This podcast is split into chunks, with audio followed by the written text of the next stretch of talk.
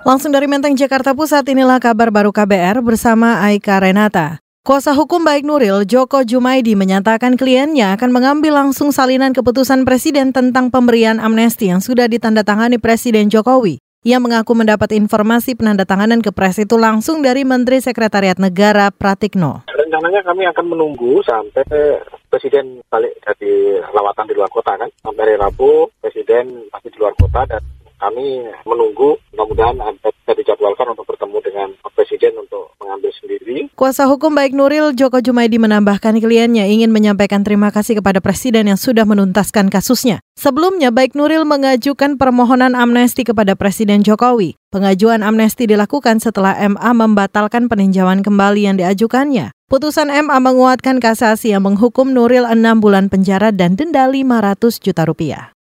Kita beralih, Sekretaris Kementerian Pemberdayaan Perempuan dan Perlindungan Anak Pri Budiarta Nur Sitepu menyebut penyelesaian rancangan undang-undang penghapusan kekerasan seksual atau RUU PKS tidak perlu menunggu rancangan Kitab Undang-Undang Hukum Pidana diselesaikan terlebih dahulu. Menurutnya, kedua RUU itu justru akan saling melengkapi. Saya pikir ini nantinya akan saling melengkapi karena pembahasannya sama-sama kok. Saya melihat bahwa ini harus diselesaikan bersamaan karena pakar yang memfasilitasi proses penyusunan RUU PKS, kita undang juga yang pakar yang sedang menyusun KUHP. Sekretaris Kementerian Pemberdayaan Perempuan dan Perlindungan Anak Pribudiarta Nur Sitepu menambahkan RUU penghapusan kekerasan seksual berisi poin-poin aturan yang lebih khusus dibandingkan rancangan KUHP, semisal tentang sistem peradilan anak, yakni mewajibkan prosesnya ditangani hakim bersertifikat hak anak serta jaksa dan polisi yang ramah anak.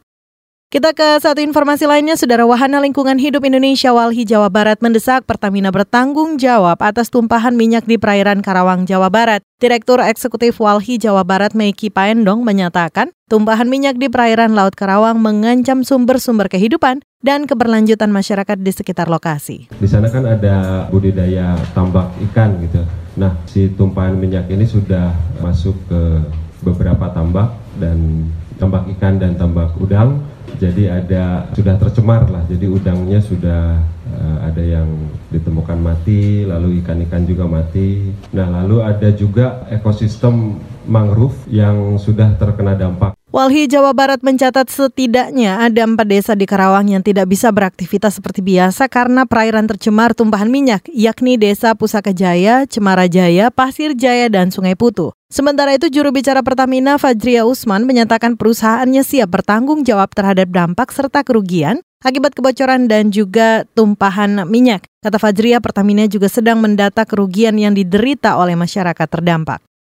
Kita beralih ke informasi lain, Saudara Jaringan Advokasi Tambang Jatam Sulawesi Tengah mendesak Pemda menutup aktivitas tambang di hulu Sung eh, Danau Tiu Morowali Utara. Desakan itu disuarakan Jatam dalam aksi unjuk rasa di kantor dinas ESDM Sulteng hari ini. Koordinator aksi Muhammad Taufik menyatakan, aktivitas tambang sejumlah perusahaan diduga mencemari lingkungan di Danau Tiu sejak sepekan terakhir. Lumpur akibat pencemaran itu merugikan warga setempat yang sebagian besar bekerja sebagai nelayan tradisional. Kami minta kepada ASDM Provinsi Sulawesi Tengah segera melakukan dan membentuk tim untuk menelusuri aktivitas perusahaan tambang yang ada di wilayah Hulu, Kecamatan Peta Barat. Temuan kami di lapangan terkait dengan apa yang Bapak jelaskan tadi, Mulia Pacific Resource, itu sekarang ditemukan diduga juga terlibat di dalam proses pencemaran ini. Itu tadi koordinator aksi Jatam Sulawesi Tengah Muhammad Taufik. Sementara itu, Saudara Kepala Dinas ESDM Yanmar Nenggolan menyatakan eh, telah menyurati PT Mulia Pacific Resource yang menambang di sekitar Danau Tiu. Yanmar juga berjanji menindaklanjuti tuntutan Jatam dengan membentuk tim serta berkoordinasi dengan Dinas Lingkungan Hidup. Tim tersebut juga bakal mengkaji tentang desakan pencabutan izin usaha tambang.